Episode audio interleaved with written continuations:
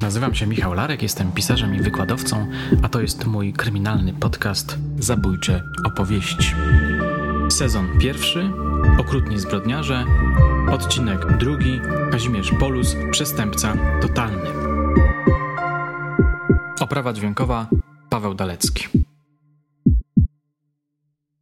6 grudnia 1982 rok. Osiedle Plewiska, Poznań. Godzina 13 mniej więcej. Ośmioletni Piotruś wysiada z autobusu i rusza w stronę domu. Idzie na przełaj przez pole znajdujące się pomiędzy dróżką a torem kolejowym. W pewnym momencie dostrzega coś, co przypomina mu ludzką nogę. Nie podchodzi, żeby sprawdzić, co to jest. Idzie do domu i opowiada mamie o znalezisku. Ta nie dowierza. Ignoruje jego słowa. Nie opowiadaj bajek, mówi. Chłopcu to jednak nie daje spokoju. Bierze psa Boja i wraca na miejsce. Tam znajduje drugą nogę.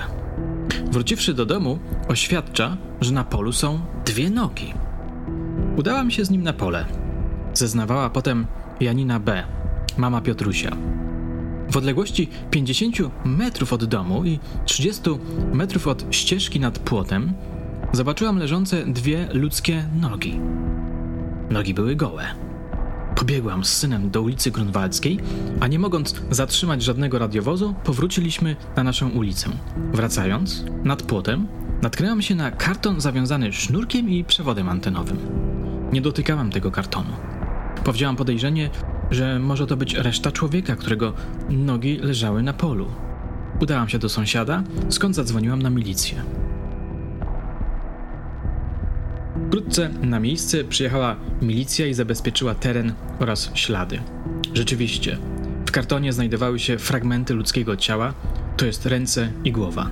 Niestety nie odnaleziono jednak nigdzie tułowia denata.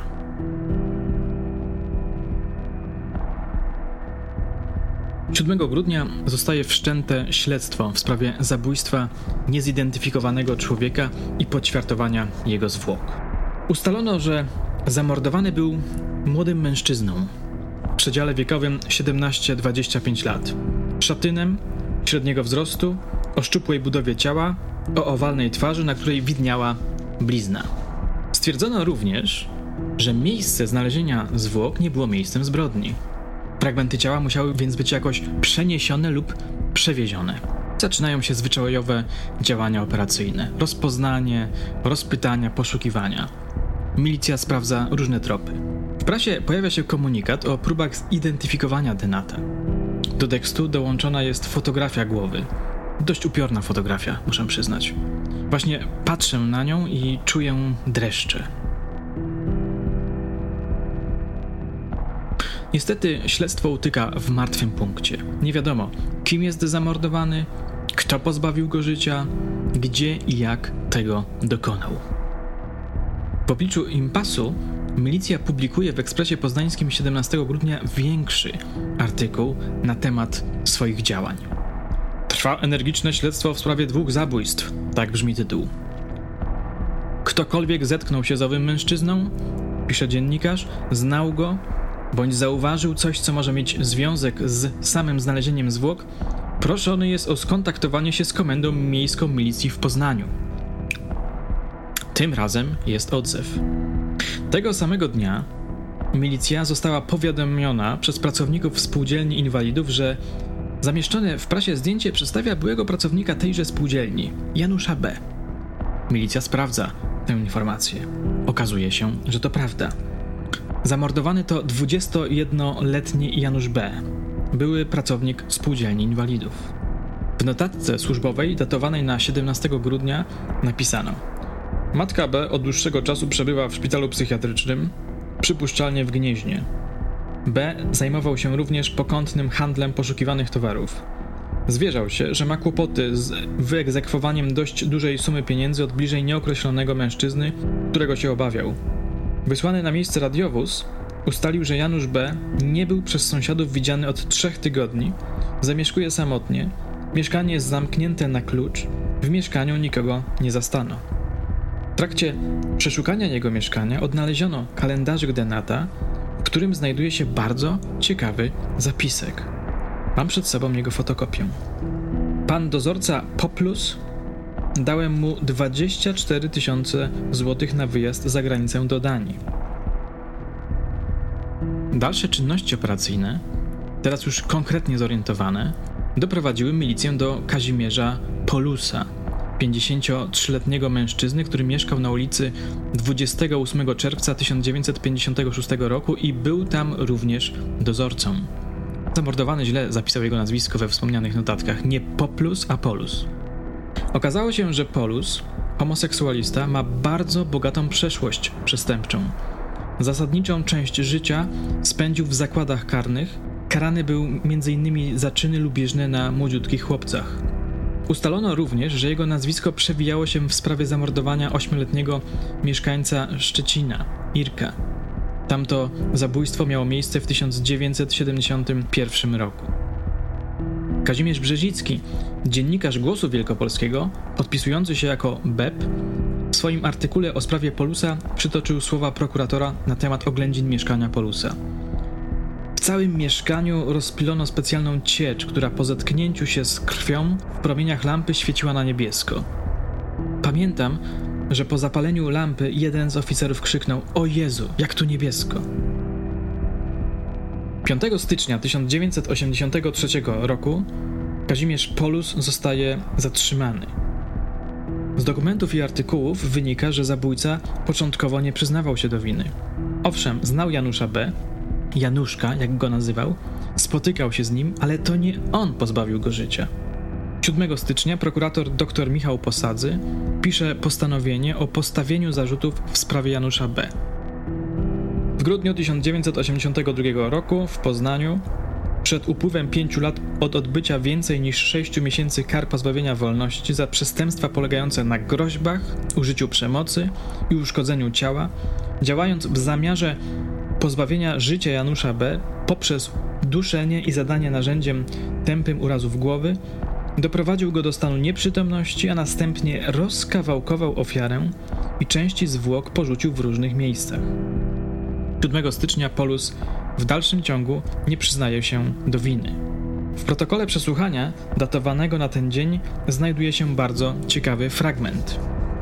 Przesłuchujący stwierdza, że w tym miejscu podejrzany Kazimierz Polus robi wrażenie, jak gdyby płakał i wypowiada słowa: Panie prokuratorze, ja sam bym tego bandytę, co zrobił Januszowi krzywdę, poszukał.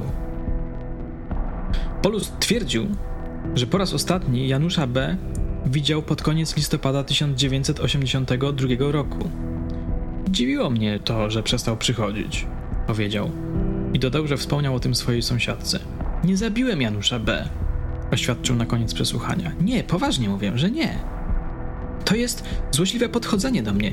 Nie miałbym sumienia go zabić, nie dałem mu życia. Polus idzie w zaparte przez kilka dni. Zmienia zdanie 10 stycznia. Po przemyśleniu całej sprawy, mówił podczas kolejnego przesłuchania, wynikającej z przedstawienia mi zarzutu o zabójstwo Janusza B., Postanowiłem złożyć obszerne wyjaśnienia co do okoliczności popełnionego przeze mnie przestępstwa i przyczyn, jakie skłoniły mnie do jego popełnienia. Przyznaję, że dokonałem zabójstwa Janusza B. Według dziennikarza Brzezickiego, Polus w wyniku długotrwałej perswazji i prowadzonych psychologicznych gier całkowicie się otworzył. W efekcie przyznał się do zabójstwa Janusza B., do zamordowania 27 maja 1971 roku ośmioletniego Irka S. w Szczecinie oraz 14 grudnia 1975 roku 17-letniego Henryka B. w Poznaniu. Polus okazał się zatem seryjnym zabójcą, bezwzględnym, okrutnym człowiekiem. Tego samego dnia wskazał miejsce porzucenia przez siebie kartonu z tułowiem w Łęczycy koło Poznania przy szosie do Puszczykowa. Natomiast 13 stycznia 1983 roku wskazał miejsce ukrycia noża sprężynowego, którym rozkawałkował zwłoki Janusza B. Była to piwnica w kamienicy, w której mieszkał. W toku tzw. Tak postępowania przygotowawczego Polus został poddany badaniu, najpierw jednorazowemu, a następnie obserwacji sądowo-psychiatrycznej. Biegli rozpoznali u niego zaburzenia osobowości uwarunkowane czynnikami środowiskowymi i organicznym uszkodzeniem mózgu, czyli zaburzenia osobowości o typie socjocharakteropatii. Polus w chwili popełnienia zabójstwa Henryka B. miał w stopniu znacznym ograniczoną możliwość kierowania swym postępowaniem, zaś zdolność rozumienia znaczenia czynu miał ograniczoną jedynie nieznacznie. Natomiast w chwili dokonywania zabójstwa Ireneusza S. i Janusza B. miał jedynie w nieznacznym stopniu ograniczoną możliwość kierowania swym postępowaniem, zaś pełną zdolność do rozpoznania znaczenia swoich czynów. Jak przebiegały trzy zabójstwa, do których Polus się przyznał i o które został oskarżony? Oto krótkie streszczenie, które opieram na uzasadnieniu wyroku. Pierwsze zabójstwo. 26 maja 1971 roku w godzinach późno popołudniowych Polus przyjechał do śródmieścia Szczecina. W okolicy placu Orła Białego spotkał na ulicy ośmioletniego Ireneusza S. Powiedział mu, że ma dla niego rowerek i że mu go da, jeśli chłopiec pójdzie z nim. Ireneusz zgodził się na to i wspólnie tramwajem pojechali na miejsce. Gdy nadszedł wieczór, oskarżony rozebrał chłopca i wraz z nim położył się do łóżka. Gdy chłopiec usnął, Polus głaskał go i dotykał jego narządów płciowych, całował różne części jego ciała. Nad ranem, gdy chłopiec się obudził, Polus wziął nóż kuchenny i ugodził nim Ireneusza w klatkę piersiową w okolicę serca. Doznał wtedy wytrysku. Po zabójstwie ubrał ciało, zgiął je w pół i włożył do worka foliowego, a następnie worek foliowy włożył do drugiego worka podgumowanego. Potem pojechał pociągiem do Niebuszewa. Stamtąd poszedł na pobliskie wysypisko śmieci, gdzie porzucił ciało. Znaleziono je dopiero 26 października 1971 roku. Drugie zabójstwo. W niedzielę 14 grudnia 1975 roku Polus poszedł na dworzec PKP, aby znaleźć młodego mężczyznę, z którym mógłby uprawiać seks. Nawiązał kontakt z 17-letnim Henrykiem B., który wybierał się na kurs szkoleniowy do Mosiny. Polus zaprosił chłopaka do swojego miejsca pracy, czyli barakowozu znajdującego się obok jeziora Malta. Henryk zgodził się. Na miejscu znaleźli się około 14. Polus w pewnym momencie opuścił barakowóz, żeby przynieść wody na herbatę. Gdy wrócił, zobaczył, że 17-latek chowa pod ubraniem radio i chce wyjść. Polus zatrzymał go i zaproponował, że mu daruje, jeśli ten zgodzi się na seks. Henryk odmówił i uderzył Polusa w twarz. Wówczas Polus chwycił lukswer i co najmniej dwa razy uderzył nim chłopaka. Gdy ten upadł, Polus rozpiął mu spodnie i opuścił je. Po rozładowaniu się postanowił ukryć zwłoki. Nieopodal barokowozu wykopał dół, w którym zakopał ciało. Trzecie zabójstwo. 21-letni Janusz B. był znajomym Polusa. Razem pracowali w MPK przy myciu wagonów. To był naiwny, łatwowierny, niedorozwinięty młodzieniec. Całkiem zamożny jednak. Któregoś razu zwierzył się Polusowi, że chciałby wyjechać za granicę, żeby się leczyć. Polus postanowił naciągnąć go na większą gotówkę. Powiedział mu, że załatwi mu wyjazd do Danii i zażądał 24 tysięcy złotych. Janusz dał mu je. Szybko jednak zorientował się, że starszy kolega nie kwapi się z obiecaną pomocą. Zaczął go nieustannie napominać w tej kwestii. Wtedy to, jak pisze sędzia, w zamyśle Polusa powstał pomysł pozbycia się Janusza, aby zawładnąć jego pieniędzmi. Pewnego razu powiedział mu, że wyjazd do Danii nastąpi 15 stycznia 1983 roku. Fakt ten Janusz odnotował w kalendarzyku. Na szczęście. Na skutek nalegań młodzieńca data wyjazdu została przesunięta na sobotę 4 grudnia 1982 roku. Dzień wcześniej, czyli w piątek, Janusz pojawił się w mieszkaniu Polusa z rzeczami osobistymi. Miał u niego przenocować, a nazajutrz pojechać do Gdańska, gdzie rzekomo czekał na niego umówiony kapitan. Gdy Polus zorientował się, że młodzieniec ma przy sobie 70 tysięcy złotych, postanowił go zabić, żeby przywłaszczyć jego gotówkę. Wieczorem wspólnie posprzątali schody w domu. Po sprzątaniu Janusz postanowił się umyć. W trakcie mycia, ubrany tylko w slipy, zaczął rozmawiać z Polusem o wyjeździe. W jego słowach wybrzmiewała pretensja. Polus przestraszył się, że chłopak zorientuje się, że sprawa wyjazdu to fikcja. Chwycił siekierę i metalowym obuchem uderzył chłopaka, który stał do niego tyłem, co najmniej pięć razy w głowę. Gdy ten upadł, zaczął go dusić, powodując zgon. Potem całą noc rozmyślał, co zrobić z ciałem Denata. Postanowił zwłoki rozkawałkować i stopniowo wywozić je z mieszkania. Tak też zrobił. W sobotę rano przy pomocy siekiery i noża sprężynowego odciął Januszowi B. głowę, ręce i nogi. Do jednego kartonu włożył głowę i ręce. Przedtem owinął to w torbę foliową. Karton przewiązał drutem do anteny. Do drugiego większego kartonu włożył tułów, natomiast nogi włożył do worka z płótna. Czynności te wykonywał w kuchni. Następnie dokładnie całe pomieszczenie umył, czyli wyszorował wodą z mydłem. W ciągu dnia w piecu spalił dokumenty Denata. Natomiast siekierę wrzucił do pieca w kotłowni. Nóż wyrzucił do piwnicy, gdzie następnie złożono węgiel. Wieczorem pozbył się rozkawałkowanego ciała. Kim był zabójca? W uzasadnieniu wyroku znalazłem podstawowe informacje na temat jego biografii. Posłuchajcie. Oskarżony Kazimierz Polus urodził się w 1929 roku. W dzieciństwie wychowany był przez matkę. Rozpoczął naukę w szkole podstawowej, w klasie pierwszej, ale jej nie ukończył. Po wojnie pracował w gospodarstwie rolnym. W 1948 roku był karany za usiłowanie przekroczenia granicy państwowej. Później przez pewien okres czasu pracował w kopalni. W 1952 roku ożenił się. Z małżeństwa nie miał jednak dzieci. Rozwiódł się po kilku latach. W 1954 roku był po raz kolejny karany. Otrzymał wtedy karę pięciu lat więzienia. W trakcie odbywania tej kary dopuścił się popełnienia kolejnych przestępstw, znieważenia funkcjonariuszy służby więziennej oraz pobicie współwięźnia, za co w 1957 roku otrzymał karę 6 miesięcy aresztu. Podobnych przestępstw, znieważenie funkcjonariuszy służby więziennej, dopuścił się Kazimierz Polus w trakcie dalszego odbywania kary i w 1958 roku skazany został dodatkowo na jeden rok i 6 miesięcy więzienia. Na wolność wychodzi w 1960 roku. W marcu 1961 roku popełnia kolejne przestępstwo zbrodnię rozboju. Czyn jego polegał na tym, iż kilkakrotnie uderzył nożem pokrzywdzonego, powodując u niego ciężkie obrażenia ciała i doprowadzając go tym samym do stanu nieprzytomności. Wyrokiem Sądu Powiatowego w Szczecinie z dnia 5 września 1961 roku Polus został skazany za ten czyn na 10 lat więzienia, utratę praw publicznych i obywatelskich praw honorowych na 10 lat. Zakład karny opuścił 31 sierpnia 1970 roku, warunkowo przedterminowo zwolniony. Pracował krótko w zakładzie melioracyjnym koło Poznania, po czym przeniósł się do Szczecina. Od 27 listopada 1970 roku do lipca 1971 roku zatrudniony był na stanowisku mielarza w szczecińskich zakładach papierniczych Skolwin, Mieszkał początkowo w hotelu robotniczym w Szczecinie, a od stycznia 1971 w prywatnej kwaterze.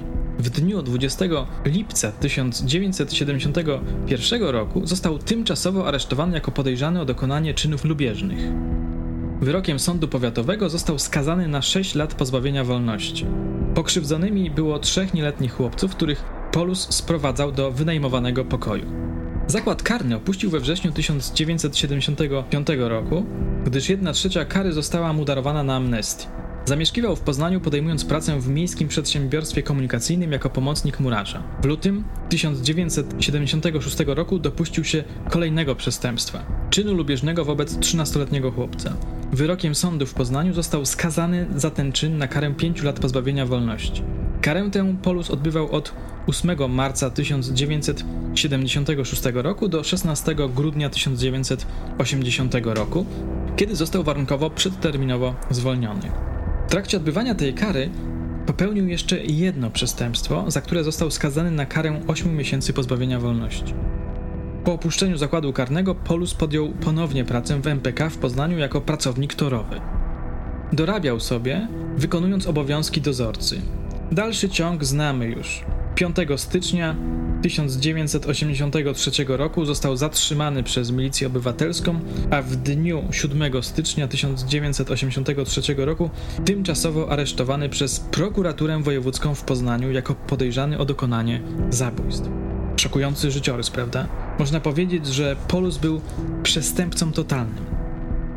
W osobowości Polusa, napisał sędzia w uzasadnieniu wyroku, o którym niebawem powiem, zmagazynowane zostały wyjątkowo bogate doświadczenia o treści agresywnej. Doświadczenia te ułatwiały tworzenie się u oskarżonego rozmaitych agresywnych skojarzeń i wyobrażeń. W sytuacjach konfliktowych, w stanach frustracji i stresu, wzrastała u Polusa zarówno gotowość do aktywności skojarzeniowej o agresywnej treści, jak i skłonność do realnych zachowań agresywnych. Główny Sposób komunikowania się Polusa ze światem to była agresja. W owym uzasadnieniu sędzia napisał jeszcze, że Polus jest człowiekiem, u którego uczucia wyższe, takie jak poczucie winy, wstydu, współczucia są bardzo słabo rozwinięte. Jego związki uczuciowe z ludźmi były płytkie i powierzchowne.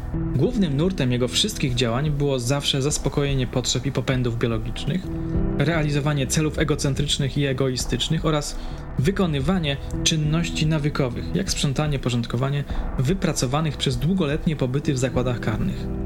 Sędzia zaznaczał również, że osobowość Polusa jest tak prymitywna i wulgarna, jak prymitywne i wulgarne są warunki egzystencji więziennej.